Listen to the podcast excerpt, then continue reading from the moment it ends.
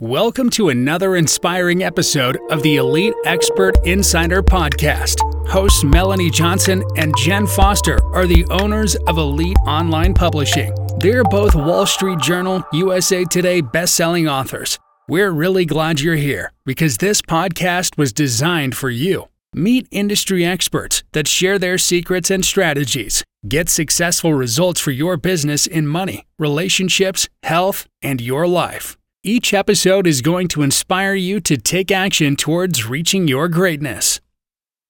Hi, everyone. This is Melanie Johnson, along with my business partner at Elite Online Publishing, Jen Foster. Hey, Jen. Hey, everyone. It's an amazing day today. All right. Well, we have a great show. First of all, remember to subscribe to our show and uh, pass it on to your friends and share it. And we'd love to hear from you. Leave us any comments that you have. All right. I am a huge, huge fan of this author, John Warrillow. He wrote the book Built to Sell, and he has a new book coming out, uh, The Art of Selling Your Business, along with Automatic Customers. So, first of all, we love him. Oh, and by the way, he has another one called Drilling for Gold. So, we love him because he's written so many books. As you know, that we're a publishing company, so we just love our authors. And um, he's going to really dive deep on how do you sell your business and how do you prepare it to get ready to sell and to sell it for max amount amount of money. Um, and by the way, that whole journey that he's going to teach us to go through, it actually makes your business better and you know make it more profitable. Who doesn't want to do that? John, thanks so much for coming today. Hey, thanks. Good to be with you both. Great. Well, John, tell us a little bit how you got started in this and you started your first business and how you became this successful author. I used to run a, a, quantitative market research company. It was my one of my the businesses I started before writing Built to Sell, and I built it up to a relatively good size. But I think we were six million in revenue, five or six million in revenue, thirty employees, and and, and we're profitable because it was a service business, twenty or thirty percent profit margin. And I was kind of under the impression that that would be a really valuable company one day. We had these great clients. We had American Express was a customer. We had uh, Bank of America, Google, all these great customers.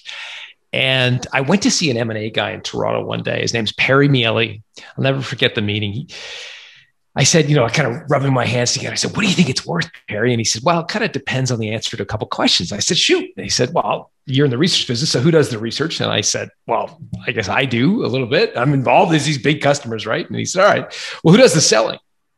I'm like, I, you know, if it's Bank of America, they, they want me to show up, right? And he's like, all right. So you got a research company where you do the research, you do the selling.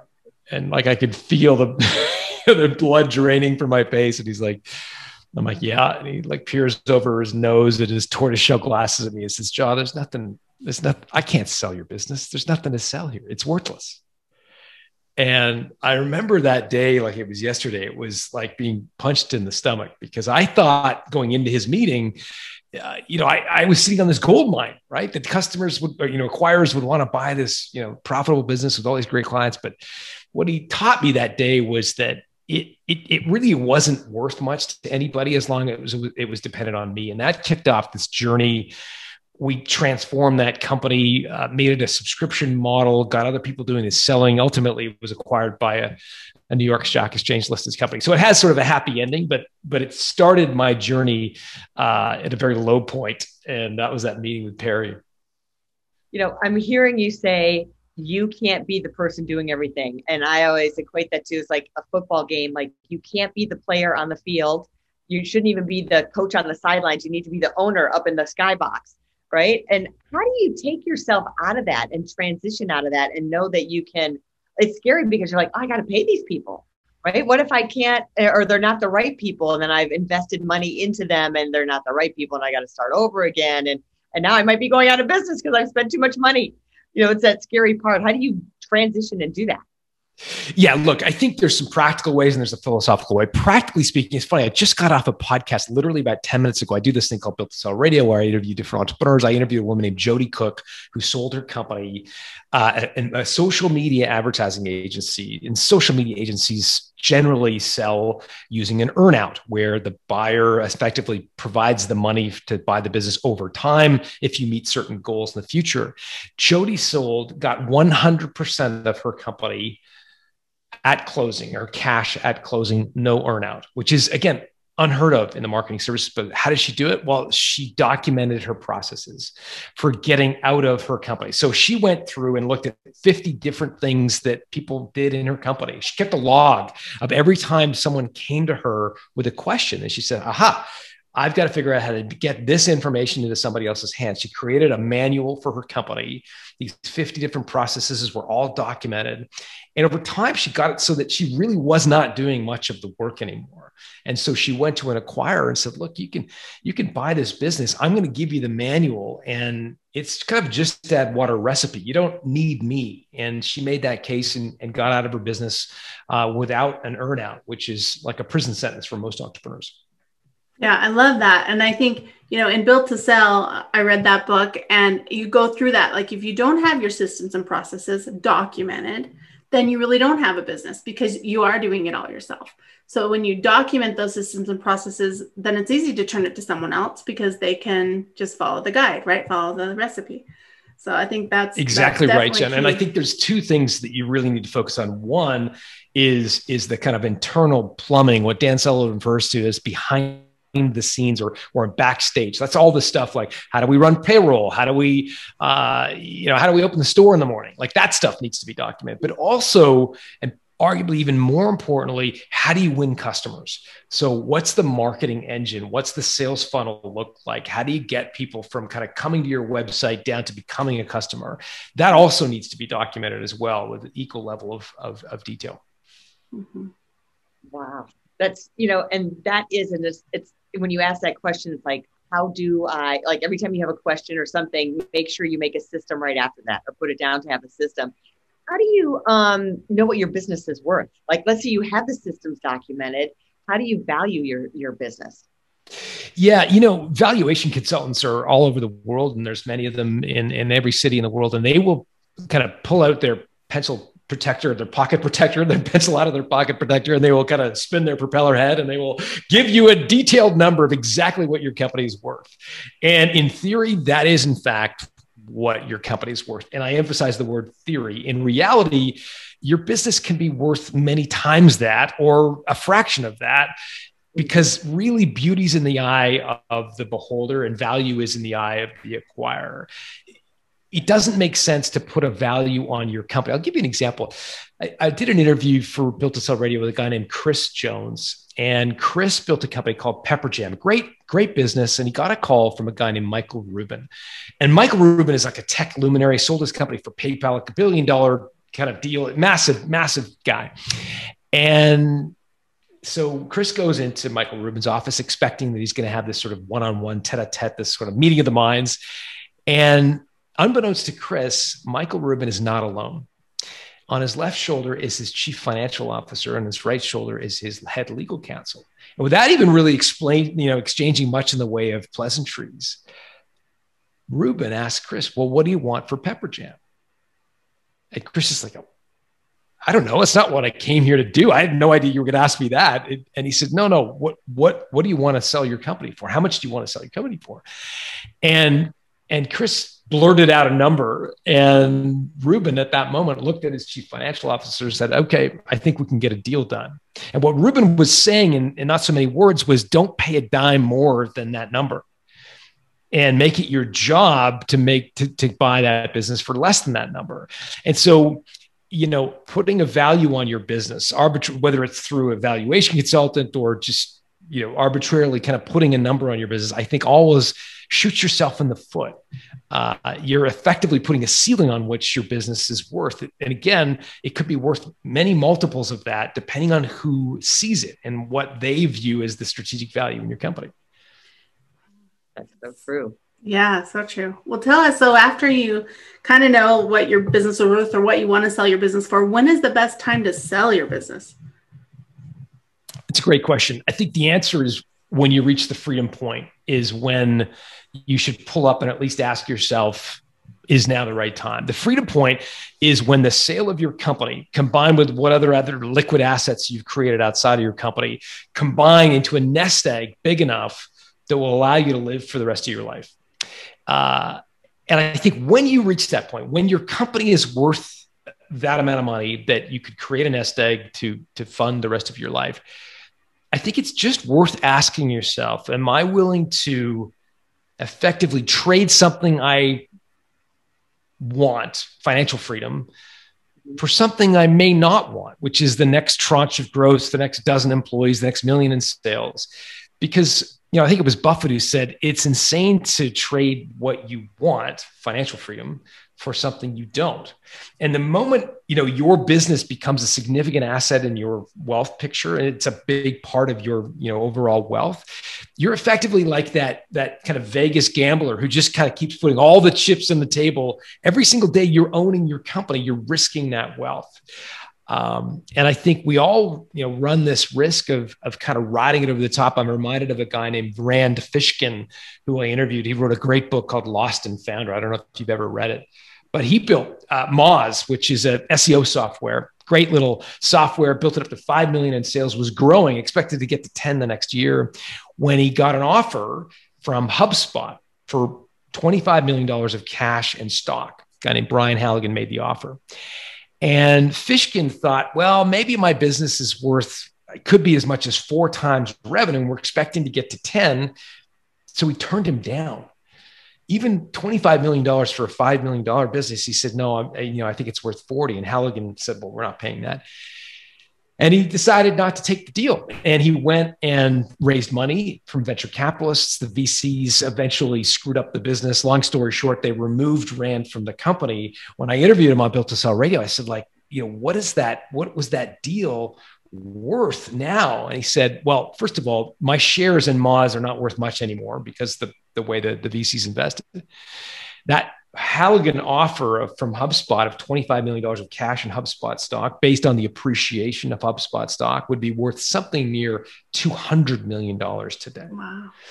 That's called riding it over the top when we think tomorrow is always going to be better, right? It's always going to be one more sale we're going to make, or one more product we're going to launch, or one more customer we're going to win. And we never know when the next pandemic is going to happen, right? Mm-hmm. And so I think when you reach the freedom point, and and you say if i sell this thing i wouldn't have to work again i think it's at least asking yourself the question is now the right time yeah i think it's that would i have to work again because um, we have a third generation insurance company that my family comes from and my brother tells me like well if i sell then i've got to manage my money right? That's a different job. Like I know my business, I know what it's going to generate. It's it's pretty reoccurring, all that kind of stuff. So then it opens like really a whole new business for me of how do I manage this money and make sure I don't lose it and make sure it generates continues to generate wealth. So that's the scary part of jumping in. I think on the other part Mm-hmm. yeah, and, and we've seen that again and again. We actually at Value Builder did a bunch of research into why owners regret their decision to sell their company. And not surprising, a lot of it comes down to some of the financial stuff, like, you know, like they feel like they left money on the table, they got over, you know, they got out negotiated or whatever. But there's another interesting factor. And it's a little softer, but I think it's even more important. And that is that they were all push and no pull Push factors are things that that push you out of your company. They're you know tax, legislation, regulations, employees, et cetera. They're, they're all frustrations that all of us have as entrepreneurs. Pull factors are the things you're excited to go do next. Mm-hmm. Uh, write a book, travel, get fit, whatever is the, the kind of thing on the horizon. Mm-hmm. And what we found is that when owners have more pull factors than push, they end up being very satisfied with their exit. One of the guys I interviewed uh, for Built Sell Radio was a guy named Sean Oshman. Years ago, I interviewed him. He, he was a guy based in Denver, uh, built a little IT services company, a couple million dollars in revenue. And on his 39th birthday, he made a commitment to himself that he would, by 40, live life on a sailboat. Here he is in landlocked Denver, right? Like there's not water for a thousand miles. He's like, I'm going to live my life on a sailboat. So he decides he's got to sell his company. A couple, you know, it's not a big company, a couple million dollars in revenue, gets a broker. He sells it for two and a half times, two, I think 2.6 times profit. And I interviewed him on a show and I'm like, Sean, I like, it. I mean, that's a great outcome, but it's not like hitting it out of the park. It's not a home run. Like it's a good solid single and a baseball analogy, but it's certainly not, you know, a home run. And he said, yeah, but John, you, you don't understand. I'm like, well, what don't I understand? He's like, I live on a sailboat and and it was just it's always sort of stuck with me as a really good reminder that one of the secrets to having a great exit has nothing to do with the value you get it's to having a really clear sense of what's next right? For him, for Sean, it was living life on a sailboat. Uh, but I think getting really clear on that, I think, is really important. Yeah, I really think that is because I run into business owners all the time where, especially in you know retail or or that kind of thing, where they built this company, they've worked for 40 years, and they're like, oh, I'll retire when I'm this age, and then they don't build the systems and processes, so they can't sell their business, and when they exit, they don't really have that vision or that goal because they're like, well.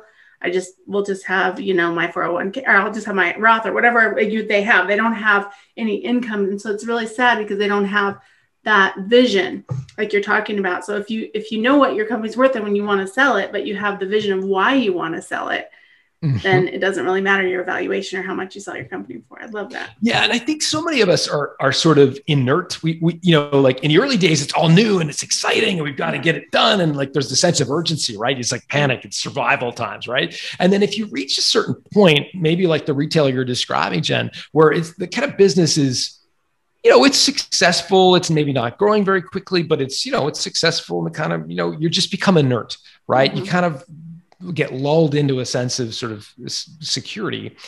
And, and I think it's such a shame when, when that happens because so many of us will achieve much more success in our second, third, and fourth business than we do in our first, right? Mm-hmm. I've referred to it, and it's a bit of a pejorative way. I can't think of a better way of saying it, but some people talk about it as a as your training wheel business, right? Your first or second is is where you figure it all out, right? That's where you kind of learn how to run a company. But but in many cases, it's better to take that business, realize a little bit of value for it, and take what you've learned and build another business where you you you build it in a more scalable way, et cetera. And so I think it's a shame when people become, as you described, Jen, like kind of inert and they they spend 40 years in the same business. Oh, I'll I'll be happy when I retire.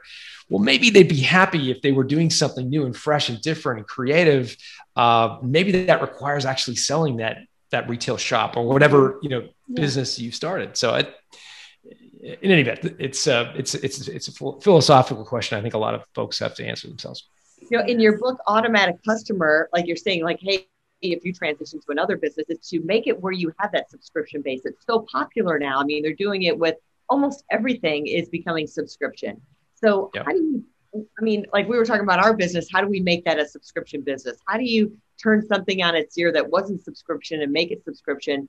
And and it's really kind of two questions. It's to me, it's the easy part of setting it up, right? All the technical stuff here's what we're going to offer here's how all the back end and the tech and the website and all that stuff but then how do you get customers to sign up for it and stay there have the retention?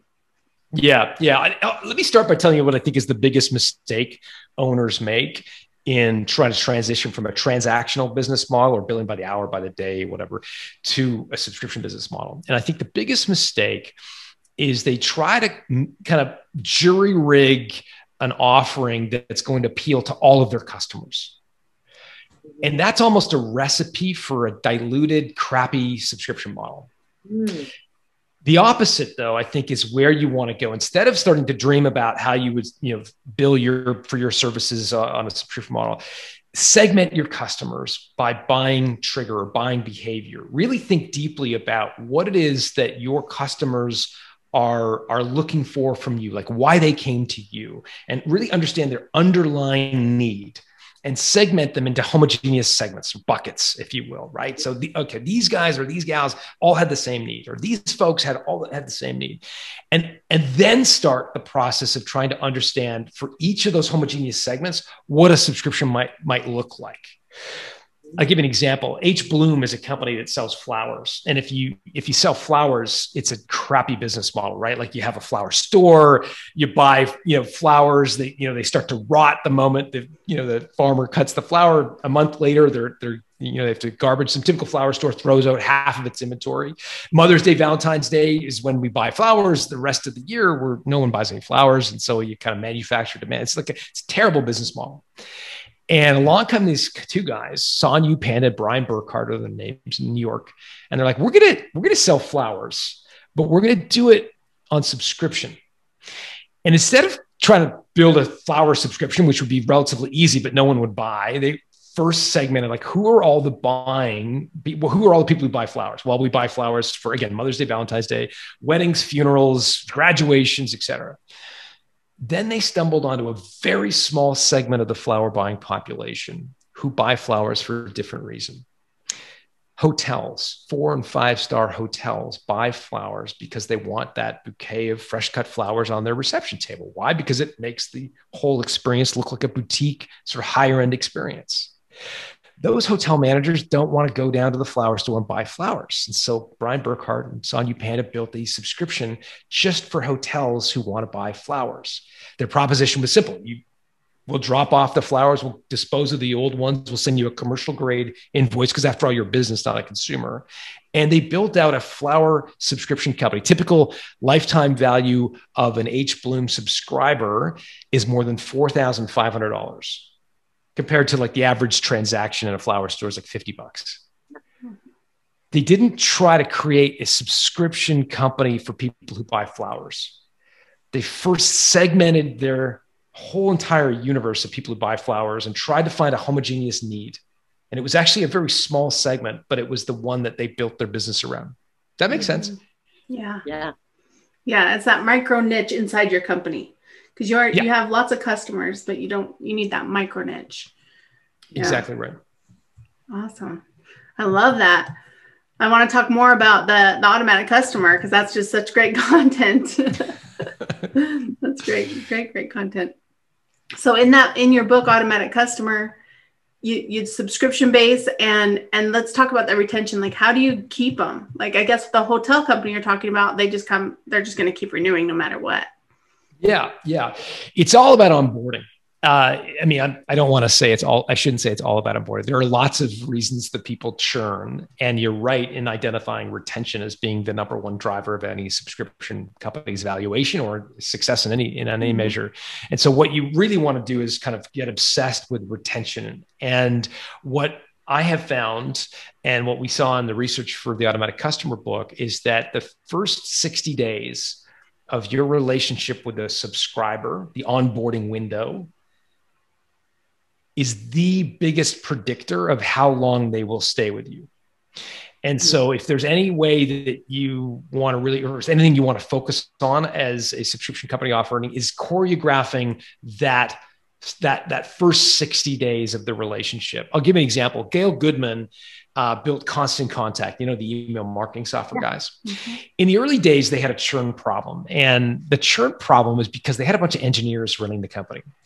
And for engineers, they kind of think very linearly, right? So they're like, okay, well, when when we kind of sign up a new customer, uh, we need to kind of take them through a who, what, when kind of mm-hmm. onboarding experience, right? So the first step in their experience was, okay, welcome to Constant Contact. Thank you for signing up. We have to send uh, an email newsletter to your customers. So upload your SVS, uh, CVS file or whatever they call them, CVV file. Can't even yeah. remember.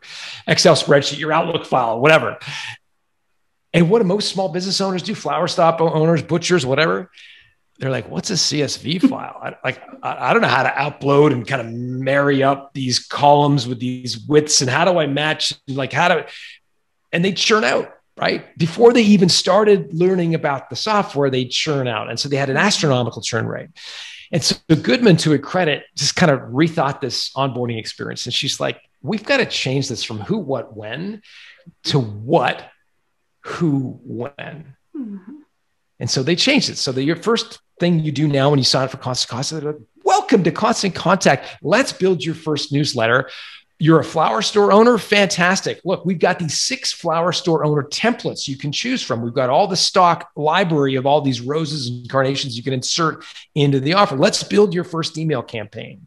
And of course, the business owner saying, This is great. Look how great and pretty my company's going to look. Oh my gosh, they have the stock photograph. Oh, this is, this is going to be incredible. And it's coming to life in front of them, right? And all of a sudden, they're emotionally getting wedded to the software. And then at the end, they're like, okay, great. This looks fantastic. It's time for us to figure out who to send it to. And this part of the process isn't that fun. There's a speed bump in the way. And we're, you know, here's our 800 number if you get stuck, but we got to upload your CSV file. But by that time, they had emotionally bedded in, connected to the software. And it was enough relationship equity to get them over the top long story short, they cut their churn rate, and the rest is history. It became a, a, massively successful company. But the first 90, 60, 90 days of that relationship you have with the customer is what is going to define their retention over the long term. All right, I want to dive into you've written so many books, obviously we're a publishing company. Um, what motivated you to write the books, and what was your writing process to get it done? Because so many authors get stuck, right? That they they have the idea, they want to do it, but then they they just can't get it onto paper. Yeah, yeah. I mean, the art of selling your business uh, is the new book, and it it was inspired by the podcast I do, Built to Sell Radio, and I've done it now for six years. I've interviewed 300 or something entrepreneurs, and and what I came to learn is that there is a, a segment of owners, entrepreneurs who punch well above their weight when it comes to selling their company. I mean, they seem to be, at least at me, kind of almost following a different hymn book or a different playbook. Mm-hmm. Uh, they've sold for multiples of revenue, not multiples of profit. I mean, it's like it was really fascinating to me. So I really wanted to understand, like, what do they do? And so I started to try to codify listening back to these interviews with these entrepreneurs that are punching above their weight, the kind of their process, the way they think about selling their business. And I, I came to understand that although there is science to it, there's a lot more art to it. There's a lot more about how you deftly handle the negotiation, how you position your business to maximize its attractiveness. And so I wanted to kind of document that process. And, and that's what sort of inspired the art of selling your business book.